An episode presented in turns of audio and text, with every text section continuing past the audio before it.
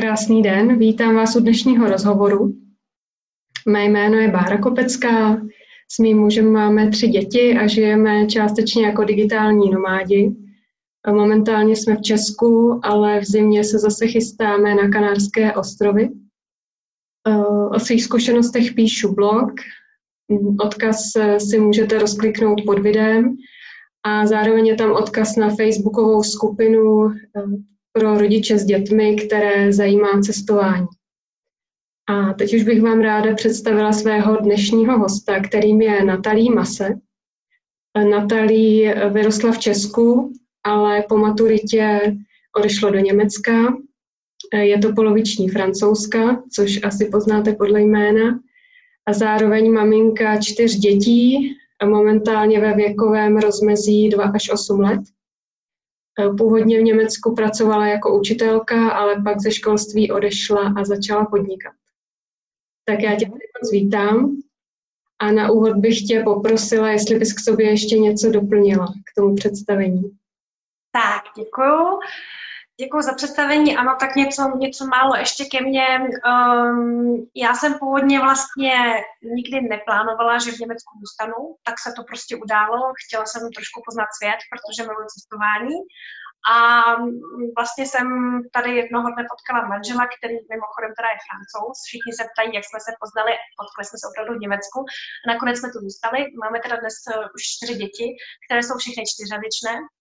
A uh, já asi dodám nějaké detaily k tomu podnikání. Uh, pracuji výhradně online, uh, což si myslím, že s dětma mít když máš prostě čtyři a máš ještě v takovém jako věkovém rozmezí, tak je těžký dělat nějakou jinou práci než online a abys prostě nebyla úplně uhoněná. Takže já tu práci dělám, ta práce mi vlastně opravdu umožnila v podstatě odejít, to podnikání mi umožnilo odejít z práce, kde jsem fakt měla plný úvazek.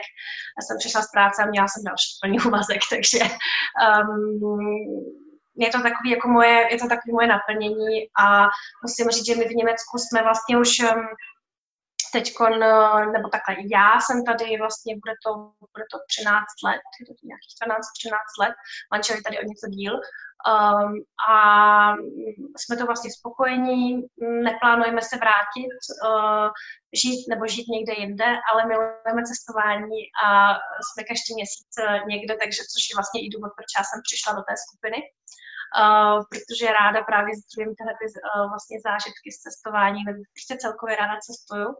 A je to jedno vlastně z našich největších rodinných hobby, se dá říct. Hmm, moc děkuju. A já bych se tě možná ještě zeptala na to, jak si organizuješ svůj den, protože si to vůbec neumím představit, mít čtyři děti, domácnost, podnikání. No, já jsem ráda, když zvládnu natočit nějaký rozhovor, jo, ale že bych ještě podnikala, tak to si vůbec neumím představit. Tak nám k tomu prosím něco řekni. OK. No tak eh, já se přiznám, že já používám různý takové jako, jako vychytávky, které mi trošku usnadní život. Například, ehm, mm, když se bavíme o domácnosti, tak já jsem si jednoduše vybavila domácnost chytrými spotřebiči, jako je například automatický vysavač, automatický vytírač a další věci, uh, parní čističe, různé takovéhle věci, které ušetří opravdu hodně času. Neznamená to, že nemusíš dělat nic, to určitě ne, ale uh, pomůže ti to mm, minimalizovat tvůj čas, který strávíš nad těmi nad věcmi, který mm, jsou nutný, ale úplně tě třeba nebaví. Jo? Um, takže to je jedna věc. Um, dá se říct jako chytří spotřebiče. Samozřejmě myčka, pračka, sušička, neumím si to představit bez toho už. Zvlášť ne, když prostě máš čtyři děti a podnikáš. Nebo máš čtyři děti a děláš jenom to. Jo? Um, takže to je jedna věc. Co se týče organizace, my jsme velmi organizovaní. To, to bych asi tak řekla, jako když, eh, když máš čtyři děti a chceš chodit do práce anebo podnikat, protože to je jako jedno, tak musíš být organizovaná, protože to prostě jinak nejde. Takže uh, my v podstatě máme u nás v rodině dělbu práce to znamená, že vlastně děti přebírají uh, velkou část odpovědnosti za úklid svých věcí, prostě svých pokojů. Um, starší děti, um, to jsou teda ty synové, tím je teď uh, 5 a 8 let, brzy jim bude 6 a 9. Tak uh, například pomáhají v kuchyni s vyprázdňováním myčky, uklízení nádobí, když je potřeba třeba starší syn velmi rád myje okna, ono to opravdu baví. Takže to jsou takové prostě věci, které mě ušetří spoustu času, protože já jsem se rozhodla, že vlastně nechci být takový ten, um, to zní jako divně, ale já jsem řekla, že nechci být otrokem jako svojí domácnosti. Protože um, prostě já si myslím, že ten dům má sloužit mě a ne já tomu domu. Takže uh, my jsme v podstatě zavedli to, že chceme žít tak, aby jsme tyhle ty organizační věci, aby jsme s tím strávili jako co nejméně času. To znamená, že prostě děti mají, děti mají um, v domácnosti a v pokojích jasně daný uh, uh, pro ně srozumitelný způsob uklízení. To znamená, že třeba mají boxy, do kterých se to jednoduše jako v úzovkách hodí. Ale oni těch boxů je několik, takže se to třeba rozstřídí podle, uh, uh, podle druhu hraček nebo podle druhu věcí, které je potřeba uklidit. Jako, jako, je, to, je to pro ně přehlednější a umí to udělat opravdu i malý dítě. Uh, protože holčičky teď mají v tuto chvíli dva a tři roky, brzy teda brzy jim budou tři a čtyři. Um, uh, všechny naše děti totiž jsou narozené v září, jenom jedna jediná se narodila v říjnu, takže nás teď čeká taková velká skupinová oslava. Um, No a co se týče organizace, tak uh, hodně lidí se mě ptá, jak vlastně je možný podnikat a mít u toho čtyři děti. No, já musím říct, že pro mě je to mnohem jednodušší, uh, když podnikám, protože to dělám z domova a dělám to, kdy já potřebuju. Já si sama učím termíny, kdy mám čas. A je to pro mě mnohem méně náročnější a mnohem méně stresová záležitost, než když já jsem opravdu musela být uh, ve školce, když jsem pracovala a potom ve škole. Tak uh, já jsem musela být už půl osmí na pracovišti a odcházela jsem po čtvrtý hodině, plus minus, někdy až půl pátý. A uh, teď musíš počítat i tu jízdu do té práce. A mně se kolikrát stávalo, že já jsem velmi brzo vstávala. Pak jsem musela stát na dálnici zácpě. A já jsem si říkala, no dobrý, tak prostě jak moc, jak moc velký magor jsem, že prostě stávám v půl pátý třeba, nebo někdy i v půl čtvrtý, abych pak stála na dálnici v zácpě. Co to má za smysl? A um, ono to bylo celkově, já jsem vlastně nebyla spokojená vůbec jako s obsahem a taky s platem v školství, to musím říct na rovinu, já jsem nebyla spokojená ani po obsahu, ani po finanční stránce. Takže uh, to byl taky jeden z důvodů, proč jsem odešla, ale zpátky vlastně k té struktuře. Jo. Pro, mě je, pro mě je prostě jednodušší, když si ten čas můžu zorganizovat tak, jak je to dobrý pro mě osobně a pro moji rodinu, než když mi někdo určuje, od kdy do kdy mám někde sedět nebo vykonávat nějakou činnost mimo domov. To je pro mě nesmírně náročný a zvlášť, když já vlastně jsem měla tehdy, dneska už mám čtyři, tehdy jsem měla jenom dvě děti, um, když jsem potom už mohla odejít, uh, ale pro mě bylo třeba náročné to, že jeden uh, vlastně uh, z těch synů má um, takové jako, řekněme, zdravotní problémy většího rázu a pro nás to prostě znamenalo, že on byl častěji nemocný, že jsem s ním musela někam jezdit. Eh, prostě bylo toho víc. A pak v tom školství chybíš. A v tom školství už tak jako tak je tam ten personální klíč není úplně, řekněme, vysoký. To znamená, že když pak nějaký mm, někdo vlastně z toho personálu vypadne, a vypadává třeba častěji, protože musí s tím dítětem zůstat doma nebo něco, tak je to pak problém a tomu člověku to dávají tak trošku jako najevo. Jo? A um, nebylo to tak, jako že by se mě někdo dobíral, to ne, ale já jsem prostě viděla, já jsem vlastně viděla, že když bych opravdu tu práci chtěla dělat naplno, tak bych nemohla být naplno doma s těma dětma.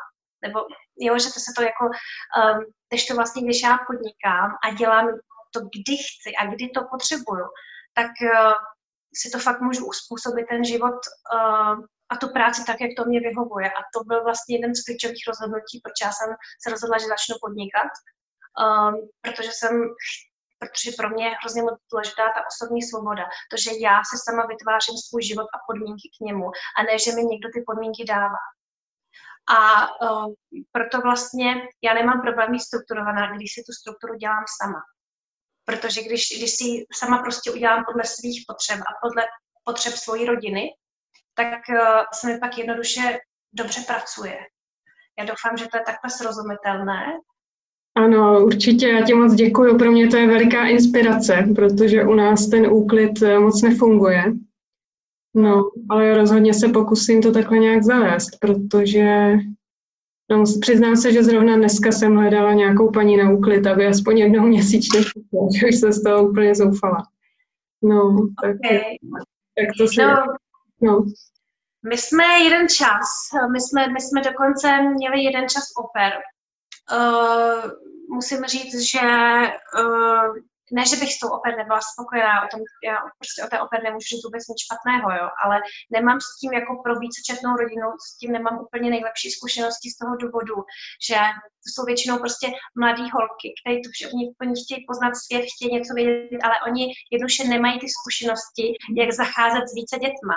A ona se třeba snaží, ale mm, to je něco podobného, jako kdyby si poslal prvňáka na vejšku mm-hmm. tak on se bude snažit, ale ono to prostě nejde hned najednou. A nebo, nebo někdo, do, někdo to pak třeba prostě zvládne, ale je to takový, jako že prostě, když si vezmeš někoho do vícečetní rodiny s dětma v různém věku, tak je to trošku jako kdybys ho hodil do ledové vody.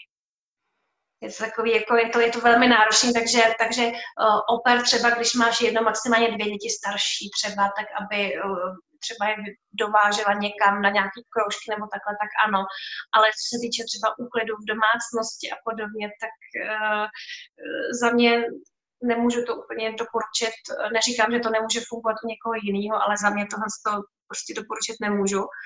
A co se týče uh, úklidu domácnosti, um, my jsme to jeden čas taky zkoušeli, to bylo hlavně v době, kdy uh, jsem právě ještě byla zaměstnaná, protože my jsme vlastně s manželem byli kdysi oba dva na plný úvazek zaměstnaný, my dneska oba dva podnikáme a já mám nějakých asi 80%, 80-90% opravdu online uh, a on má nějakých um, 60 až 70 online z domova ten, takže on je jakoby, ale on když, když uh, by třeba chtěl, tak by mohl ještě být úplně jako víc, uh, ale my jsme vlastně my jsme vlastně jako s tím nějak byli srozuměný, že třeba on bude mít takový napůl domácí úvazek a já, že budu mít třeba kompletní.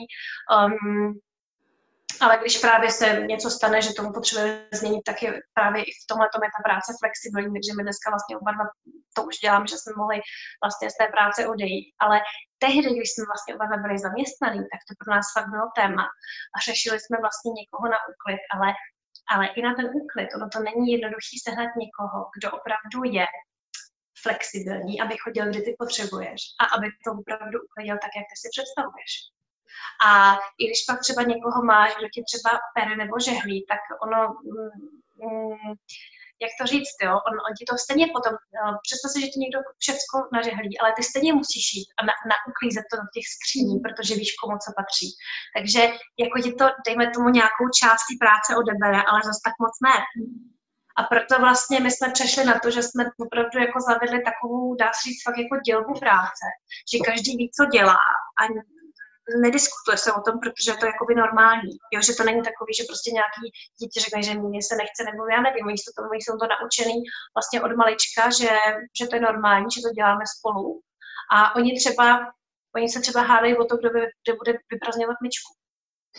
To je, to, je, to je jako hrozně vtipný, protože od ní spousta mamin uh, jako je překvapená, ale opravdu oni se hádají o to, kdo bude umývat okna. Uh, proto to má jako nejradši ten můj nejstarší syn a hádají se třeba o to, kdo bude, kdo bude eh, vyprazňovat myčku. Takže my třeba máme, jakože za odměnu dneska se bude vyprazňovat myčka ty a zítra třeba ty. Jo, to, to, zní, to, to zní docela sci ale fakt to funguje, to někdy vyzkoušej. to je super, fakt velká inspirace. tak já bych, já bych se tě ještě zeptala na tu práci ve školství. Mm-hmm. Protože už to tady v jednom rozhovoru padlo, školství v Bavorsku a byl na to celkem dost kritický názor tak ano. mě zajímá tvoje zkušenost. Jak dlouho jsi pracovala ve škole a není lepší. Já jsem pracovala ve školství vlastně několik let. Um, rozdíl je vlastně v tom, že já mám, já mám vystudovanou pedagogiku v několika, v několika oborech a um, dá se říct, že mám vystudovalou předškolní pedagogiku, vzdělávání dospělých a sociální pedagogiku. A já jsem ve všech těch oborech vlastně pracovala, byla jsem, byla jsem v nich eh, zaměstnaná a ve všech jsem nenašla naplnění, protože jsem ve výsledku, já jsem možná až moc kritická a v tomhle tom, ale já jsem opravdu měla pocit, že jsem součástí um, fabriky na výrobu oveček. Asi to zní jako trošku nehezky, ale um, v podstatě když já hovořím vlastně s, třeba s, s lidmi, kteří do dneška jsou v tom školství um, činí, tak oni sami vidí, že, že, že tam je prostě spoustu věcí, které by bylo potřeba nějakým způsobem změnit. Uh, ale já jsem vlastně zjistila, že, že mi to opravdu nenaplňuje a že bych chtěla dělat něco, co můžu jako konkrétně změnit, protože ta, mi připadá vlastně, že to školství ti, ti nedává, mm, ale ti dává odpovědi, aniž by se stal. A v podstatě to, to školství je uniform, uh, oni to dává jako, um, je to taková uniformizace. Uh, nemáš opravdu možnost jakoby vytvářet nějaký, uh, nějaký svůj talent, děti jsou opravdu jsou, jsou vedení jako stádo. A co mi třeba velmi vadí tady, uh, co je velký rozdíl právě uh, v Německa oproti České republice, je to, že v České republice máš základní školu na 9 let a pokud chceš, tak můžeš jít na víceleté gymnázium, ale je to tvoje volba. Tady v Německu to vlastně funguje, takže základní škola jsou pouze čtyři roky a ty potom se vlastně musíš rozhodnout, jestli půjdeš jakoby na učňák, na střední školu nebo na gymnázium. Já si myslím, že dítě po čtvrté třídě obvykle má 10 let, pokud nedostalo odklad a myslím si, že v deseti letech rozhodovat o své budoucnosti uh, opravdu není úplně jako v pořádku to je můj názor. Um, musím říct, že docela hodně pedagogů tady v Německu tenhle ten názor sdílí taky. A neříkám, že všichni, ale docela dost i na státních školách. Ale nikdo s tím nic nedělá. A um, já musím prostě říct, že když jsem, když jsem se věnovala té práci, tak já jsem měla vlastně pocit, že to k ničemu není. Víš, že za sebou jako nevidím nějaký výsledky nebo že tam nevidím to, co bych chtěla. A já v podstatě um, uh, vlastně v té práci, co dělám teď, um, já se věnuju online marketingu, ale já v podstatě kromě jiného učím lidi podnikat. A nebo vyslovně třeba i fungující firmy, které uh, který mají teď jedno, jestli to třeba jenom malá firma s deseti lidma nebo třeba už větší, tak my optimalizujeme jejich podnikání. To znamená, že já můžu v podstatě se zabývat například s maminou, jako jsem já, která chce začít podnikat a naučit jí to, jo, a nebo můžu vysloveně pracovat fakt jako s firmama a, a, a, a nevím, veme si třeba firmu na, na stavbu domu, nějakou stavební firmu, tak eh, je naučit třeba, jak si získat nějaký další příjem um, na základě nějakých um, dalších služeb, které můžou nabí, nabízet a mít, eh, dejme tomu, ten pasiv, třeba, mít třeba ten příjem pasivní. A je spoustu věcí, který, který jde. My, dá se říct, jakoby mm, kombinujeme podnikání, to, že spojujeme vlastně firmy a lidi, a já konkrétně uh, vlastně, já konkrétně uh, podnikám uh, a dávám poradenství a vysloveně i školím uh, v oblasti cestování, takže jsme zpátky u toho jednoho z našeho největšího hobby a i vlastně v té skupině, že? Um, a tam vlastně mám pocit, že ty lidi něco učím, co jim na něco je. Já jsem pořád vlastně zůstala učitelka, jenom to za prvý dělám v soukromé sféře, takže jsem adekvátně za to ohodnocená. A za druhý, uh, já jsem jednoduše spokojená, protože vidím za svojí práci nějaké konkrétní výsledky. Vidím prostě třeba to, že um, já musím říct, já mám uh, i větší počet mamin, který pracují z domova. Neříkám, že mám jenom tohle jako, cílový, jako cílovýho zákazníka nebo, uh, nebo, nebo spolupracovníka, to určitě ne. Ale já prostě, když si vezmu člověka, který přijde a řekne, já nejsem spokojený s prací, kterou teď dělám, chtěl bych jako to změnit. Než ten člověk za mnou přijde a my něco vybudujeme, tak já se prostě cítím mnohem líp, než když prostě někomu budu říkat, aby nepřemýšlel o tom, co dělá a prostě to dělá. Protože to škola dělá. Mm. Ona, tě, ona, tě, ona tě nedává možnost opravdu přemýšlet, rozvíjet se a dělat to, na co máš talent. Ona ti prostě říká, co máš dělat, jak to máš dělat a když to takhle neuděláš, tak je to špatně. Navíc škola vysloveně jako mi připadá, že, za, že zasívá uh, ne, um, negativní um, negativismus a to už vlastně od nejranějších uh, let, protože třeba takový prvňák či druhák, když píše, uh, když píše uh, třeba písemku, tak dejme tomu, že tam udělá tři chyby, jo, tak máš 97% správně, ale ty 3%, jo, ty jsou takhle úplně tlustě červeně zaškrtnutý, takže jediné, co to dítě vidí, jsou ty tři chyby. Nehledě na to, že tady jako je docela i běžný, že děti třeba v druhé třídě dostávají třeba trojky nebo čtyřky. A um, tím nechci říct, jakoby, že jsou v Čechách lépe hodnocení, ale tady v podstatě uděláš jednu chybu a automaticky máš dvojku. Jakoby, že, že jako, um, ty od malička učíš ty děti, že nesmí dělat chyby. Ale já si myslím, že kdo nedělá chyby, tak nedělá nic. Když prostě nebudeš dělat chyby, tak nenazbíráš jako uh, zkušenosti, z kterých můžeš čerpat do budoucna, protože um, já například svoje děti učím to, že nesmí být drzí třeba, jo? nebo nesmí se, nesmí se chovat nějak uh, prostě um, um, jak to říct, ne, ne, mm, nesmí se chovat, dejme tomu, jako zavržení hodně nebo takovéhle věci, ale když udělají chybu, tak co? Když říkám chyby, dělej, chybama se učíš ale jako, jako nechovej se prostě zle, nebuď zlej, ale dělat chyby, prostě je to, je to normální, je to lidský a dá tě to dál. Ale um, místo vlastně toho, aby ta škola jakoby zdůraznila to, co to dítě všechno umí a našlo ten směr, kterým by se teda to dítě mohlo ubírat, tak oni ho nutí, aby bylo ve všem průměrný. A já radši najdu s lidma jejich talent a ten talent s nima prostě rozvíjím, protože potom vidím, že ta práce má v něčem smysl. A to mě, to mě prostě baví a naplňuje. A uh, dívá si se na to, kdo je právě Les Brown, jak jsme se o tom minule bavili. No, já jsem no. se dívala na ten tvůj web a dám taky pod video odkaz, aby se mohli i naši diváci podívat na to. Jo, tak to byl vlastně jeden z důvodů, proč já jsem napsala jako, jako spoluautorka vlastně knihu s Lesem Brownem. Kdo ho neznáte, tak se na to určitě podívejte, protože to je jeden vlastně z mých uh, největších uh, vzorů, prostě naprosto inspirativní člověk. Um, a vůbec v té knize jsou prostě velice zajímaví lidi, kteří prostě se rozhodli od základu změnit svůj život a žít tak, jak chtějí. A um, to je takový můj motor.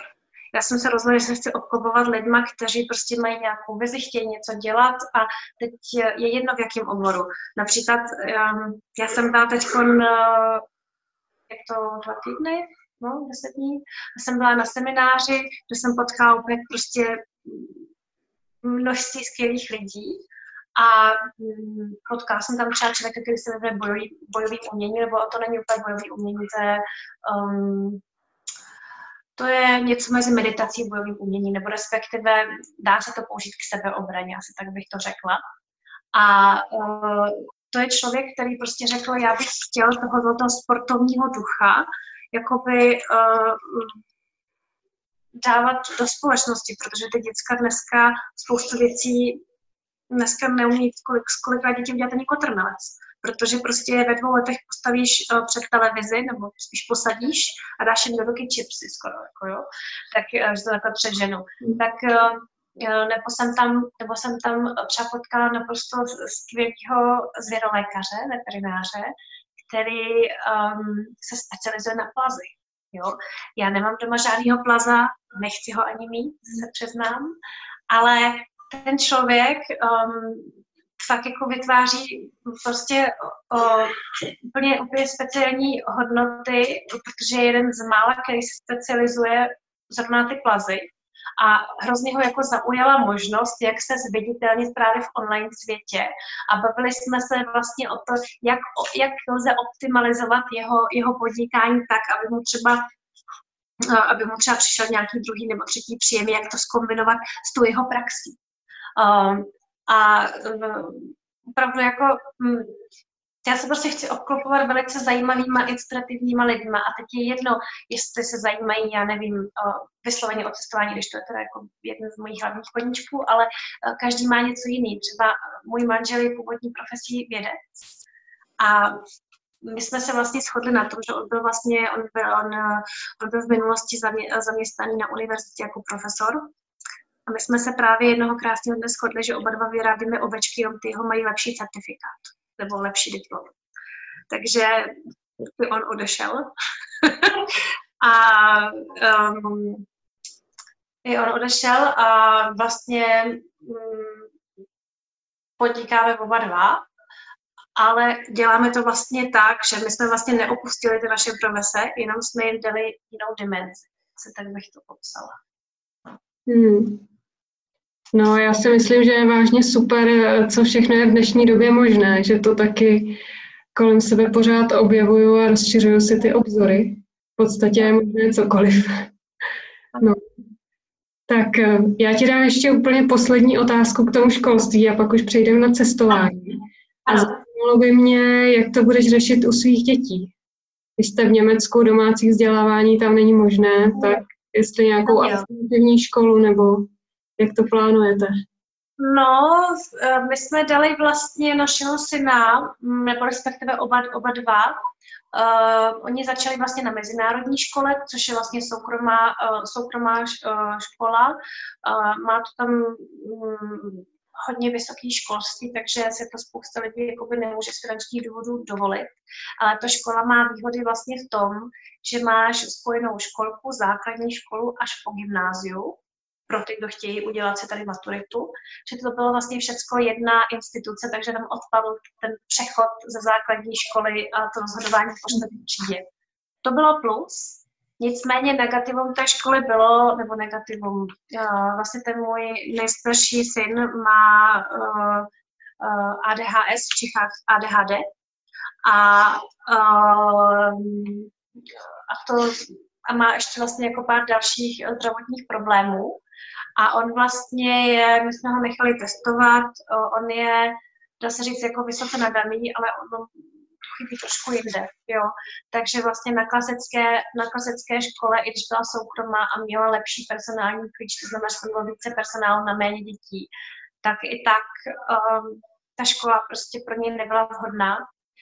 Uh, takže jsme vlastně po radě uh, tu školu vyměnili a on v tuto chvíli uh, chodí On v tuto chvíli chodí uh, na uh, on v tuto chvíli chodí vlastně na státní školu, která je naše spádová a odpoledne, uh, odpoledne chodí uh, od, odpoledne chodí. On je vyzvedávaný autobusem, který je vlastně vozí do soukromého odpoledního zařízení, kde se pracuje právě s dětmi, eh, které mají tenhle ten typ onemocnění, kde se učí vlastně soustředit, koncentrovat a uh, uh, pracovat nerušeně. Uh, musím říct, že on to a potom ho vlastně tenhle ten autobus odváží zpátky domů a on už má vlastně hotové veškeré úkoly a všechno ostatní. Já musím říct, že to pomohlo jak jemu, tak nám, protože do té doby to bylo velmi, velmi složité s tím a jeho celkově jeho prospěch, jeho známky a jeho výsledky i spokojenost jako taková s tou školou velmi šly nahoru, protože um, on, on má, dá se říct, jakoby kombinovaný problém a že to znamená, že to nebyla u něj jenom jedna věc, ale že to bylo vlastně věcí víc a ono to velmi vlastně mm, v tom vzdělávání omezovalo. A on do čtvrté třídy zůstane uh, tady na to spátové, spátové škole a musím říct, že my v tuto chvíli nevíme, jak to bude potom. Nevíme, na jaký typ školy ho dáme.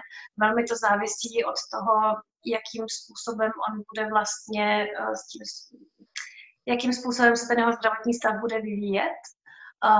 Protože on vlastně um, na jednu stranu on je velmi nadaný, mm, to vím vlastně i na základě těch testů, ale na druhou stranu on má prostě určité problémy, které asi uvidíme, jakým způsobem se, no, musíme vidět, jakým způsobem se to bude odvíjet dál a na základě toho se pak rozhodneme, jak budeme postupovat dál. Takže u něj, u něj v tuto chvíli nejsem schopná říct, jak to bude, ale ano, uh, uh, domácí výuka nepřipadá v úvahu a v regionu, kde bydlíme, kromě této mezinárodní školy, v podstatě není, není jiná alternativa.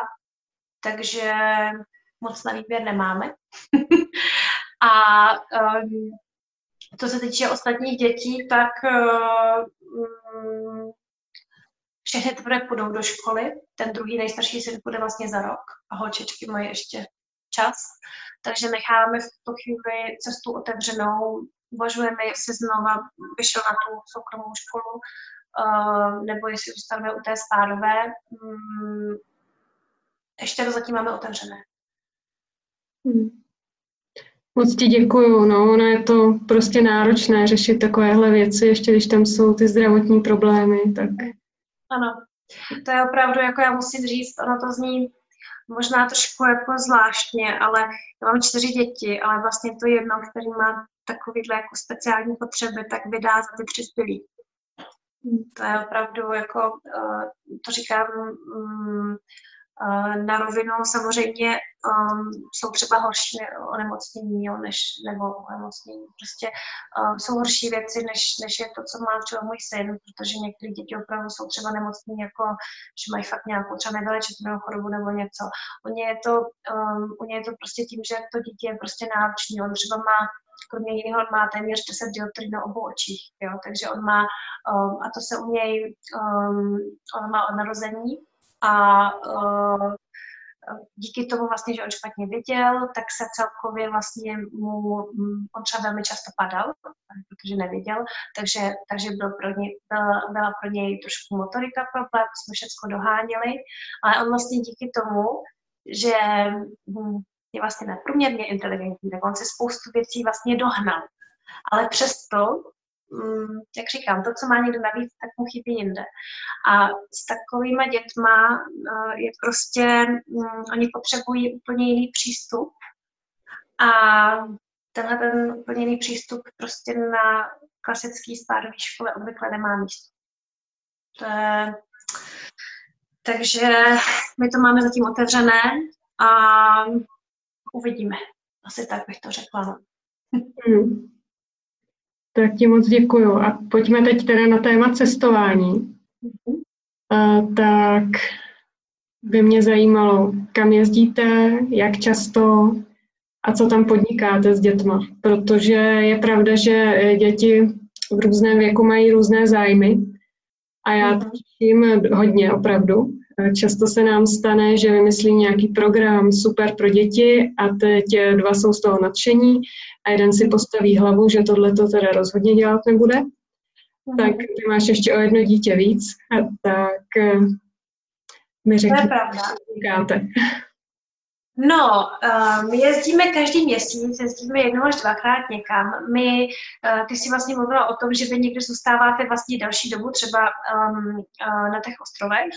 Um, to u nás uh, úplně možný není a to právě z toho důvodu, že jsme vlastně v německém školství který, eh, který toto neumožňuje. A um, to znamená, že my se musíme vždycky přizpůsobit školnímu, školnímu roku. A uh, takže my už vlastně, to je jeden z důvodů, proč vlastně my podnikáme zejména kratší cesty, ale za to častěji. A v tuto chvíli právě protože holčičky ještě jsou malé, tak zejména se dá říct po Evropě, ale když jedeme třeba bez dětí, eh, když oni jsou třeba u prarodičů, což není úplně často, ale eh, tak třeba jedeme samozřejmě i, i mimo Evropu nebo třeba eh, starší někam, my opravdu cestujeme po celém světě, ale konkrétně, když se o cestování s dětma, tak v tuto chvíli, zejména v Evropě, domluvili jsme se vlastně s manželem, že až budou nejmladší dceři čtyři roky, což teď ono bylo být září tři, takže ještě roka kousek, takže bychom chtěli je vzít do Ázie a tam musí dát prostě pozor na vodu, jo? to je prostě s malýma dětma není úplně dobrý, když dítě třeba dostane, mm, když třeba vrací nebo má průjem, což se prostě u menších dětí v některých zemích stát může, konkrétně z vody, uh, nebo i ze stravy jako takový, takže jsme říkali, že chceme prostě počkat, než, uh, než bude trošku starší a pak bychom rádi vlastně vyrazili i s těma dětma fakt jako dál do světa. A jinak v podstatě my jezdíme mm, celkem všude, Francie, Polsko, Španělsko, Itálie, kam tě napadne? Mm-hmm. A co děláme? Eh, jsme hodně, uh, jsme hodně akční, musím říct, rádi, rádi střídáme věci nebo navštěvujeme věci. Uh, děti jsou hodně zvyklí být uh, třeba venku, takže uh, říkám, že třeba nejezdíme města, určitě jezdíme i města, ale uh, my spíš, uh, asi řekla, že spíš, spíš venkov nebo moře, nebo jít někam za přírodou. A když do města, tak to, to musíme právě hodně organizovat právě z toho důvodu, že prostě ty děti mají různý, um, no, prostě různý věk, různý zájmy a uh, je potřeba najít něco, kde zabaví všechny děti. To je, uh, to je pravda. A musím říct ale, že uh, je to i tak, že třeba to nejstarší dítě ten nejstarší syn, on, um, on třeba rád jako potom těm malým zase všechno ukazuje, nebo že jako dá nám příklad, kdyby jsme třeba jako na hřeště pro malé děti, tak on jako se zabaví tím, že začne houpat. Jo, že jako má pocit, jako, že ten velký bratr. Takže um, um, dá se to udělat ten program tak, aby z toho byli výsledku spokojení všichni. A nebo děláme to, že třeba někam jedeme a jeden si vezme velké děti a jeden malý děti. A uh, uděláme jako část programu odděleně a pak se, spojíme a jdeme někam spolu. To třeba se dá taky udělat. Um, ale takové ty jako většinou, že fakt prostě jedeme někam na výlet, tak jdeme všichni. Jedeme všichni a prostě se někde cestou stavíme, podíváme se na různé věci. Uh, a um, hodně lidí se mě ptali, jak to děláme s balení. To všichni jako hezky to zajímá, jako jak balíš ty čtyři děti. No, uh, to je jednoduchý. My, má, my máme, když jezdíme, tak máme jako uh, batušky, protože um, když jedu jenom třeba s manželem, nebo jenom sama, nebo třeba s kamarádkou a jedeme spíš jako jakože wellness nebo jako odpočívačka, prostě, že jdeme někam jenom spolu jen tak, tak, tak tam si třeba vezmu kufr. Ale jinak my, když opravdu jinak cestujeme, tak já jsem se zjistila, že zašel nejpohodlnější batůžek. Jo. A nej, nejlépe vlastně ve velikosti, kterou si můžete jako příruční zavadadlo do, do letadla, protože nemáš problém s odbavením a tohle. Já mám vysloveně, já mám v podstatě batůžek, který je jenom na to cestování a do kterého se mi vejdou věci až na jeden týden. A opravdu je to batůžek, který se vejde jako ruční zavazadlo. Um, to znamená, že já tam mám vlastně věci třeba dvě v jednom, šampon a sprcháč, jo, takže nepotřebuješ prostě sto různých uh, uh, krabiček, mám tam malinkatý jo, jo, všecko tam, uh, aby se mi to tam vyšlo a v podstatě uh, kdo z vás takhle cestuje, tak možná taky znáte rolovací metodu, nezmačká se to, pěkně si to zaroluješ, ano, rozumíte si v tomto přesně tak. A mně se tam vlastně, mně se tam vlastně všecko vejde a tohle to dělají i moje děti. Jo? To znamená, že oni mají, oni mají všichni takovýhle batůžek, oni mají panda batušky, takže prostě vypadá, jako jsem na, zádech, na zádech takového hm, panda médiu. Uh, oni ho mají rádi. A oni vlastně k tomu mají totiž ještě kufr. Takže když třeba jedou na tábor, jo, tak mají, tak mají panda kufr a panda, panda batůžek a to je jako baví. A prostě si uh, Oni si to sami zabalí, protože ví, co potřebují. Um, my se vždycky dohodneme, na kolik prstů jedeme, jo. A oni si potom podle prstů odpočítávají, jako jo, že na každý prst pěkně uh, třeba konoštičky, spodárky, kalhoty a takhle si to vlastně zabalej, já jim to zkontroluju a um, mají to vlastně všechno, co potřebují a do toho batošku se to vlastně vejde a v podstatě když to máš na zádech, tak jako nemáš pocit, že bys sebou něco nosila, pokud ten batoh neuděláš moc těžký. A Um, já jsem vlastně zjistila, jako, že mě obtěžuje, když se tahám s kufrem, i když je, má čtyři kolečka, takže vlastně jezdí sám, ale uh, já jsem jako zjistila, že mi to obtěžuje. takže je to takový jako nejpraktičtější na těch, uh, na těch zádech to mít. A takhle vlastně my máme v podstatě všichni na svých cestovní kufr, takže já to ani nemusím nějak extra balit. Um, já mám vlastně fakt prostě cestovní věci a jenom si tam nadám to oblečení, které potřebuji podle sezóny a mám to, mám to zabalené třeba do 4 hodiny. Hmm, tak to máš teda úžasně zorganizovaný. A vážně mě fascinuje, jak si děti odpočítávají na prstech. No to je super. no. A, a, a oni dokonce, jako, oni třeba, když se jich jako zeptáš, kolik jim je, tak oni, oni třeba, ty, ty malí, víš, tak oni jako mají naučený, jo. Hmm. jo. Tak um, ale uh, oni třeba, víš co, když, když se ptali, za jak dlouho budou narozeniny, nebo kdy půjdu, uh, kdy půjdu do školky, jo, že oni čekali, kdy jako skončí třeba prázdniny, kdy už zase budou chodit, nebo se ptali, kdy bude mít babička narozeniny, tak vždycky tolikrát se vyspíš a pak. Tak tohle, tak my to vlastně takhle děláme právě i s tím, i třeba s tím právem, protože já chci, aby ty děti to prostě uh, pokud možno uměli co nejvíc sami a já jim jenom s tím pomůžu nebo je to zkontroluji. To je taková mm. jako moje, moje úloha toho učitele. No. Mm. Krásný, moc děkuju. A ještě kdybys měla zmínit pár míst, kde se vám hodně líbilo, takhle náhodně, co tě napadne? No, co mě napadne? Já mám krásné vzpomínky třeba na Itálii, ta se mi, ta se mi moc líbila, ale z evropských míst třeba já mám strašně ráda Budapešť. Mm-hmm. Budapešť je opravdu nádherný město, a, který spousta lidí jako podceňuje, protože je to v uvozovkách Maďarsko. Jo? Mm, protože dneska třeba hodně lidí jako stačí hlavně jako jet do západní Evropy nebo do Ameriky. Ale třeba Ázie má nádherné města, nebo Maďarsko, nebo třeba severní Polsko má. To, je, to jsou tak krásné destinace, které, spousta lidí vlastně ne, neobjevily. Takže mm, a co mě teda neuvěřitelně fascinovalo, to byla Sagrada Familia v Barceloně. Když tam nebyli, tak tam jděte. To je prostě, to je fakt nádherný. To je jako šílená vize, neuvěřitelná vize prostě člověka strašně nadaného. Eh, jehož dílo vlastně x let poté, prostě, co, co umřel, tak ho dodělá. Takhle on velký vizionář byl. Jako, když to nebyl, tak tam jděte. To je um, fakt jako krásný. No.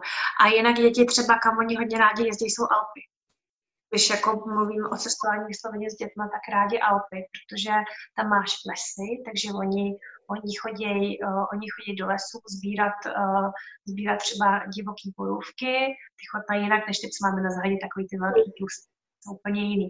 Jo. Uh, na houby choděj a v Alpách máš takový krásný jezera nahoře. To vypadá úplně, ono to vypadá skoro jako moře, ale je to takhle úplně jako velký jezero a tam se dá krásně koupat, je tam turistiku vlastně v letě tam může dělat náhledný, náhled, nádherný rozhledy tam jsou. Takže, takže s dětma třeba um, jsme hodně rádi jezdili uh, do francouzských Alp, musím říct.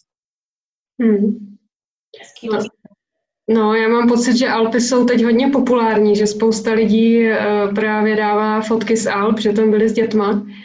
Takže eh, se přiznám, že o tom uvažuju na příští léto. Je to jedna z možností na měsíc nebo na dva pořádně.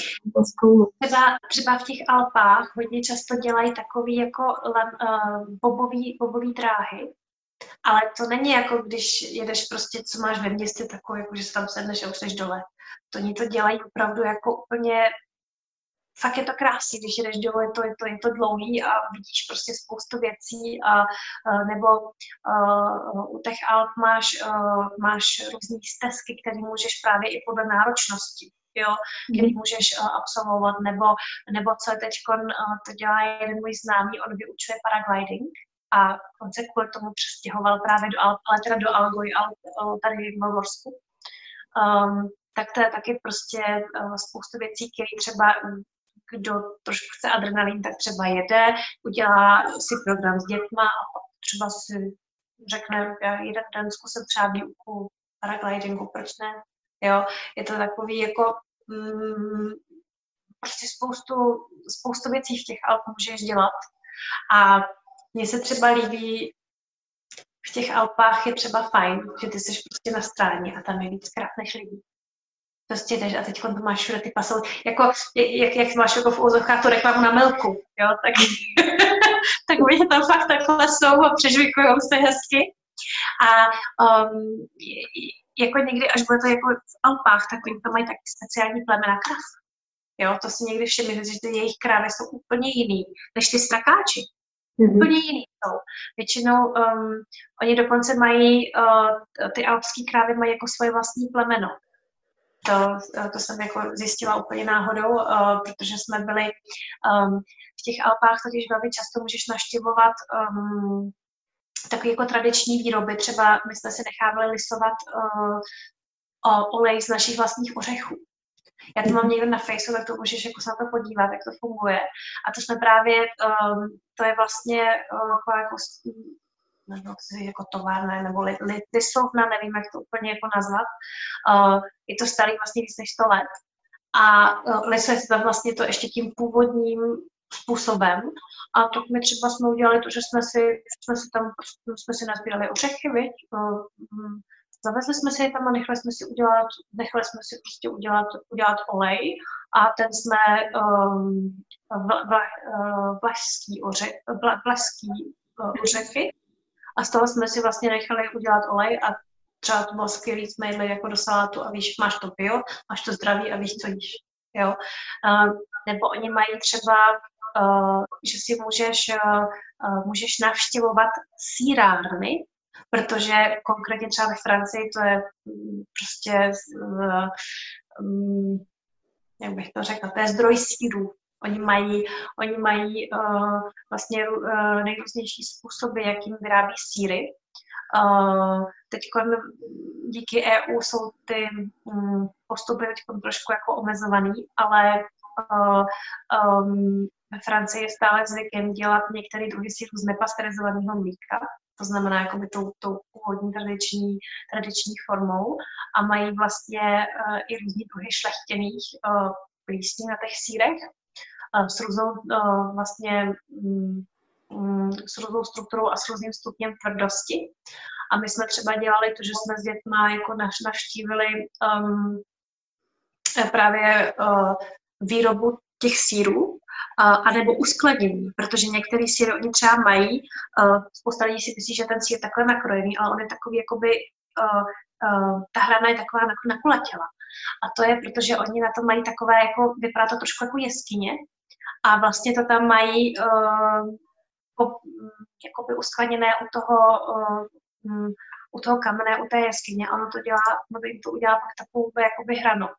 Nebo mají právě síry, které se z nepasterizovaného mlíka um, um, nechávají, nechávají jakoby ustát a potom právě podle stupně zralosti se to i, i prodává jako střední nebo, nebo už hodně zralý. A uh, děcka to hrozně zajímá. Oni, oni prostě uh, ti pak řeknou, to je takový sír nebo takový, víš, a že se o to um, že se o to zajímají nebo se jako něco dozvědí. Je to takový, um, no, je to jiný, než když máš to dítě jenom ve městě. Jo? A já jsem, um, já do toho města hrozně ráda jedu, jako turista, a pak se hrozně ráda vracím k nám ven. Mm-hmm. že mám jako, protože já jsem prostě chtěla, jak jsem chtěla, abych měla velký dům, a abych tam měla prostě hodně dětí, abychom měli zahradu, um, jo, vlastně to, mě, mě to podnikání umožnilo, že to všechno můžu mít, jo, protože to samozřejmě jako určitě spojený prostě s financemi a tak, ale um, jako nejsem, nejsem bytový typ. To znamená, že um, jsem vlastně spokojená, když znám svoje sousedy, vím, vím prostě vedle koho bydlím a um, myslím si, že prostě to člověk buď tak má jako v sobě, že, že to takhle chce, nebo ne. Například můj bratr je můj opak. On velmi často, nebo tak on velmi rád k nám přijede a pak se zase velmi rád vrací do svého bytu mm-hmm. ve velkém městě nebo v hlavním městě. Jo? A rád se zase vrátí. Takže, takže je to takový prostě, mm, je to hodně, je to hodně o povaze, ale oba dva rádi cestujeme. Uh, můj bratr se vrátil jako přednedávnem právě z Číny, byl se na velký čínský jízdě a procestoval se Čínu, takže my máme to cestování máme společný, ale každý to děláme trošku jinak, protože já třeba mám, mám hodně dětí a on je jako nemá. Ještě vůbec žádný. Takže my jsme každý jiný, ale vlastně taky ty klíčové věci máme, máme podobné. No. Hmm. Děkuji ti za spoustu krásných typů. Mě úplně utkvěly ty ořechy, jak jste si nazbírali a nechali se z nich udělat olej. No, tak to je nádhera. Naši kluci mají hodně rádi skanzeny a Aha. taky se zajímají o to, jak se žilo dřív, jak se vyráběly věci a tak dále, takže to by určitě bylo síry taky. Ale to jsou ještě spousta dalších věcí. Například my, my třeba um, uh, děláme s dětma, že je vezmeš do um, svíčkárna, dá se to takhle říct česky. Mm. A oni si dělají vlastní věci, nebo jsme dělali třeba výrobu mídla, jo. Um, nebo my máme doma, máme doma, my si podlejváme vlastní svíčky a máme je jak z gelu. To je takový, to jako tak vaříš, ten gel se trošku vaří, ta gelová svíčka. A nebo vysloveně vosk ten jakoby rozpustíme a i jsme třeba dělali, že jsme měli jako různý barvy, teď jsme dělali na různý motivy, um, vánoční nebo prostě jiný. Dělali jsme i na dělali jsme i malování těch svíček, to se dělá mhm. takovými svíčkovými uh, tuškama a spoustu, spoustu věcí, jako um, ty tradiční regiony, jako třeba Alpy, tak mají, uh, tak mají pro ty děti uh, hodně takových, jako řekněme, tradičních řemesel, které vlastně ve městě už zatím vůbec nejsou. Ale tam se to udržuje. A já si myslím, že to je vlastně jeden z důvodů, proč my tam rádi jezdíme, protože tam ty děcka vždycky něco nového jako zkusej a i tam mají by tam ještě takový jako trošku jiný přístup, mi připadá. Mm. Mm. Tak to je moc hezký. Tak já pro tebe mám poslední dvě otázky. A první no. bude, jak tě změnil život v zahraničí? Hodně. Hodně. Uh, protože um, já vždycky jako dělám se mnou, víš, že když jsem jako odešla, že jsem byla mladá blbá a že teď už jsem teda jenom, jenom, jenom blbá, už jako nejsem mladá, no, ne, já si dělám srandu, ale uh, změnil mě hodně, protože já jsem jako měla právě tehdy prostě potřebu, že chci jít do světa, že chci prostě jako změnit si ten život, poznat nové věci, ale neměla jsem nutně jakoby hm, představu, že tady zůstanu žít v Německu, to já jsem neměla. To se tak prostě stalo. A změnilo mě to hodně, protože uh, když, uh, když vlastně zůstaneš uh, žít jenom v jedné zemi a nikdy nic nového nevyzkoušíš, jo, tak uh, máš trošku jako, žiješ takový svůj bublince.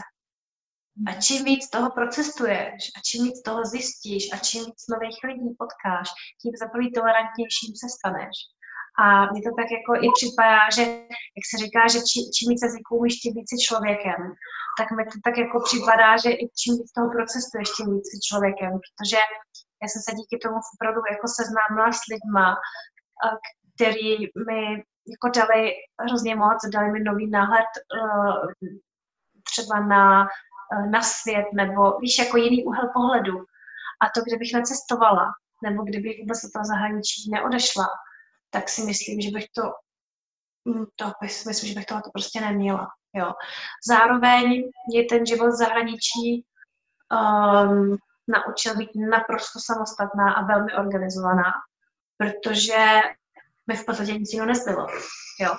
To, um, to si jako lidi, kteří to nezažili, tak si možná to neumí úplně představit, ale já jsem vlastně odešla z Čech a já jsem si vydělala na brigádách uh, 25 tisíc korun. Jo, to jsem dělala vlastně po škole, jsem dělala brigádniče. A pro mě to tehdy bylo, jako by to byl milion, jo. Ale jako kvůli kurzu, jo, takže jsem měla tisíc euro a já jsem si myslela, jako jak, protože v Čechách to tehdy bylo docela dost peněz, jako s tím si mohla docela jako vyžít, jako student, když jsi prostě neměla nějaký velký nároky. No a já jsem si říkala, dobrý, tak jo, a teď jsem sem přišla sem a zjistila jsem, že jsem úplně v pytli. Protože to bylo málo, teď já jsem neuměla jazyk, já jsem se opravdu, já jsem se nikdy předtím neučila německy. A lidi mi prostě říkali, no ty jsi magor, jo, jako ty jdeš někam a nic neumíš. A říkám, no ale mm, když to neskusím, tak to nebudu vědět. Jo. A já prostě si myslím, že, že když něco zkusíš a nepodaří se to, tak si to aspoň zkusila. Mm-hmm. A když to neskusíš, tak si můžeš třeba celý život vyčítat, že jsi to vůbec neskusila, že jsi to měla udělat. A um, já prostě, když něco chci, tak si říkám, no tak to zkusím, tak to nevíde a co? Tak přijde něco jiného, ale zkusím to. Zkusím to, udělám pro to maximum a když by se stalo, že ne, tak, uh, tak uvidím. A uh, musím říct, že tahle ta strategie mi vlastně mě dostala nějak asi tam, kde jsem, protože um, já kdybych se kdybych se mm, neodhodlala vlastně odejít nebo změnit ten svůj život, tak nevím, jak by vypadal. Ale musím říct, že mě vlastně cestování otevřelo úplně jako nové sféry, nové dimenze vlastně v mém životě. A manžela jsem potkala na cestách, kromě jiného. My jsme se seznámili ve vlaku. a to se nás taky hodně lidí ptá, jak je možné, že jsme se jako prostě potkali, že to, že, že v Německu, jak, jak potkáš Frantíka a na půl, na půl Frantíčku, na půl Češku, jak to jako uděláš, jo. Tak uh, my jsme se seznámili ve vlaku, když jsme jeli oba dva do Francie, jo, z Německa. Takže my jsme oba vlastně žili tou dobou v Německu, ale jeli jsme vlastně do Francie. Já jsem měla soukromně, ale pracovně. A no, a uh, pro mě prostě cestování je součást života, je to takový trošku jako, jako i nutnost, mi to připadá tam jako potřebu. A neumím si představit necestovat. A nebo kdyby se stalo, že bych nemohla cestovat, protože já jsem eh, vlastně před nějakou dobou velmi těžce onemocněla, takže jsem byla i několikrát operovaná a bylo to tak, že jsem opravdu cestovat nemohla nemohla jsem dělat ani spoustu jiných věcí, protože jsem vlastně mám v nemocnici, nebo jsem prostě musela ležet, nemohla jsem ani vstát. Tak, tak to bylo pro mě hodně těžký, ale tak díky tomu, že vlastně já mám spoustu přátel z celého světa, tak jsem sice necestovala, ale přesto jsem měla ten kontakt jako se světem, víš. A tohle to je, to je pro mě fakt důležité. Pro mě to opravdu součást života. A mm, myslím si, že mi to dalo hodně a v podstatě se dá říct, že to změnilo můj život od základu. Hmm. Moc děkuji. Já myslím, že to bude obrovská motivace pro lidi, kteří se dívají na tohle video. Mm-hmm. A přeju ti hlavně, abys už byla zdravá. No, to je fakt nejdůležitější. Jasně, to je to, um, některé věci prostě přijdou a přijdou a i na nás si s tím uděláme. Jo, jo, souhlasím naprosto. Hmm. A ještě mám poslední otázku. Co bys doporučila rodinám, které uvažují o přestěhování do Německa? Jít do toho nebo ne? Protože je to přece jenom jiné rozhodnutí, než když je ti 20 a nemáš odpovědnost za ty děti. To je pravda. To je pravda. A já musím říct, že my jsme tohleto téma teď nedávno řešili v našem okolí, protože máme tady právě přátele, který měli holčičky vlastně už starší, 10 12 let a přestěhovali si vlastně z České republiky do Německa a ty holčičky neuměly ani slovo německy. Jo? A začaly tady vlastně uh, chodit do školy, začaly se teď učit a jako uh, uh, bylo to náročné, ale jako ty holky to dali. A to je takhle. Um,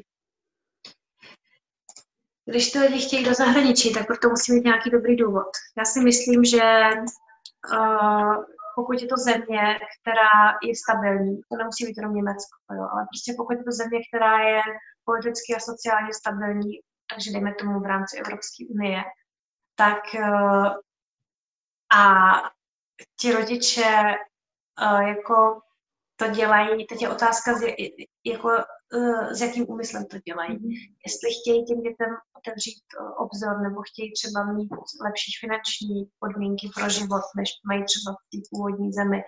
Um, nebo jestli by um, prostě chtěli těm dětem dát lepší budoucnost, třeba i jazykovou vybavenost. A se záleží, co od toho ty rodiče čekají. A jestli se chtějí přestěhovat na trvalo, nebo třeba jenom na dva, tři roky. A protože i takový, s takovými lidmi jsme se tady samozřejmě v Německu setkali. Um, já osobně si myslím, že je důležité nejdřív si zjistit informace o té zemi a zjistit si, zjistit si podmínky, za jakých do té země je možné přijít. A eh, je určitě důležitý mít, eh, buď to mít nějaký eh, třeba online podnikání, to znamená, že nejsi závislý na tom, kde pracuješ, nebo, jo, a nebo musíš mít uh, uh, jistotu nějakého úvazku, Protože v momentě, kdyby si sem přišel a ty děti by tady prostě začaly se učit a pak by se stala nějaká nečekaná záležitost, třeba, že by ti skončila smlouva a podobně, tak eh, to by samozřejmě byla jako velmi, velmi špatná situace pro tu rodinu. Takže já si myslím, že je důležitý, pokud ti lidi opravdu uvažují jako seriózně o tom, že by chtěli fakt jako změnit ten život a třeba jít někam žít natrvalo, tak eh, si myslím, že je hodně důležité zmapovat situaci na, na trhu. To znamená, uh, jest, jestli budou zaměstnaní nebo jestli budou podnikat a pokud budou zaměstnaní, aby měli nějaký trvalý úvazek a uh, nebylo tam riziko vlastně fluktuace. Protože to uh, je, by pro tu rodinu bylo samozřejmě nesmírně náročný, uh, jak nejenom finančně, ale vůbec jako ten stres toho a myslím si, že to cestování jako takový, když už děti máš, tak cestovat s nima jako v rámci třeba práce nebo v rámci volního času je úplně něco jiného, než, to, než když tu rodinu vezmeš celou uh, do zahraničí. Já osobně um, my v tuto chvíli neuvažujeme o co odejít, ale v minulosti jsme nabídku dostali odejít do zahraničí a to vlastně kvůli, eh, je to vlastně spojené i s tím, že máme mezinárodní profil a eh, my jsme nakonec tu nabídku eh, nepřijali a nepřijali jsme ji Myslím si, že kdyby ten náš syn neměl ty zdravotní problémy, který má, tak bychom o tom uvažovali asi více, než uh, uh, než jsme o tom uvažovali, prostě protože uh, pro něj jakákoliv změna takováhle velká je nesmírná zátěž, takže pro nás to v podstatě hlavně kvůli němu nepřipadalo v úvahu. Kdyby on tyhle ty zdravotní problémy neměl, tak bychom o tom třeba uvažovali víc. A to byla vlastně nabídka, která byla, uh, která byla um, nějaký tři, čtyři roky do Ázie, což uh, by mě lákalo, ale vzhledem k tomu, že on vlastně tehdy byl na té mezinárodní škole, tak to vůbec nevadilo, protože samozřejmě angličtina tam vůbec nebyl ten problém. Um, ale vlastně vzhledem prostě k tomu, jaký on má tady ty zdravotní problémy, tak to pro nás nepřipadalo v úvahu. Ale um, já bych to těm lidem doporučila, pokud opravdu um, zváží veškeré pro a proti. A pokud jako, jako sní o tom, že se změní život. A protože si myslím, že vyrůstat vícejazyčně v zahraničí těm dětem strašně moc dá.